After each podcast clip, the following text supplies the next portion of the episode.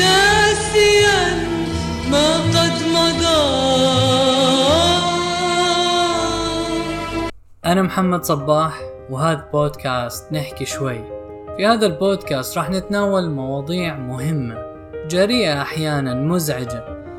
كل الجهود المبذولة في هذا البودكاست ما بتغنيك أو بتمنعك أنه تبحث أكثر. لا تتبنى أي آراء لا تتبنى فكري ولا كل ما أقول. خلينا نحكي شوي. أغلبنا يذكر المقطع الذي غنته السيدة فيروز من أغنية أعطني الناية وغني للشاعر اللبناني جبران خليل جبران. تمر بنا حوادث الدنيا وكثيرا ما تبقى بعضها عالقة داخل العقل. تشغل البال لا تفتأ تتركنا. حتى يحدث العارض الذي يمثل نقطة فاصلة وحدا يفصلنا عن الماضي. وكذلك نتوقف عن التفكير في المستقبل حين نجد ما يشغل هذا التفكير سواء في الماضي أو الحاضر. والمقطع يقول زاهدا فيما سيأتي ناسيا ما قد مضى. والزهد في الأشياء تركها حين وجودها وعدم الاكتراث بها حين إتاحتها وبمعنى آخر قلة حمل همها. فيصل الأمر إلى ما يريح البال ويطمئن القلب. إن نسيج الرضا هو ذراع الزهد يعني التعامل مع المأمول بالطمأنينة.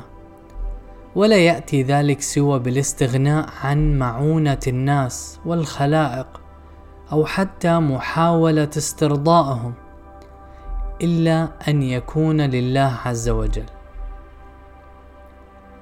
والزهد لا يكون في المال والذهب والفضة فقط بقدر ما يكون في كل لحظة يشعر فيها الفرد بكونه محتاجا مع عدم إنكار حاجة الناس لعون بعضهم لبعض. لكن الزهد مملكة. إن أحسن الإنسان التعامل معها تكونت لديه شخصية العقلاء الذين يعلمون أن لا حصول لهم على غرض ولا مكان دون تيسير. وبالاستغناء قوة لو علمها الملوك لقاتلوا علي العوام والبسطاء.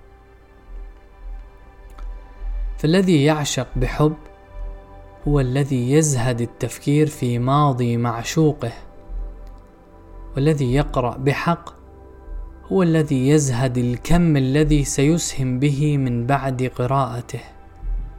فالزاهد ينسى بوعي وغالبا هو من يأتيه النجاح على طبق من فضة بحيث يرقى إلى الكيف ليصبح الكم أداء أكثر مما هو تحصيلا وغاية.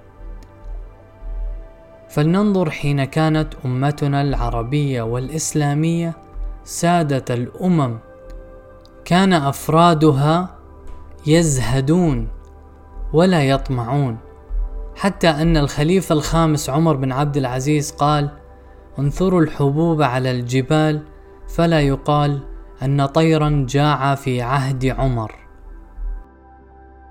تخيل معي لو زهد الناس داخل بلادنا في الكماليات التي لا نفع لها. تخيل كيف سينهض المجتمع وتتحول النظرة من توجه نحو البهرجة إلى نظرة أكثر سمو. لو زهد الناس الرفاهة واتبعوا الرشادة فلا حول لهم ولا قوة ما دام تطلعوا إلى لحظات فانيه فها هو شاب في مقتبل العمر ينفق الآلاف من أجل إقامة حفل زفاف. أخرى تشتري من الأثاث المنزلي والأطباق وأطقم الشراب لتضعها تحفا داخل دولاب صغير. والزوجان بعد عام واحد أو عامين ربما يحارون في طفلهم الأول وكيف يوفرون له حياة سعيدة؟ إن الغرب الذي يبهرنا كثيرا.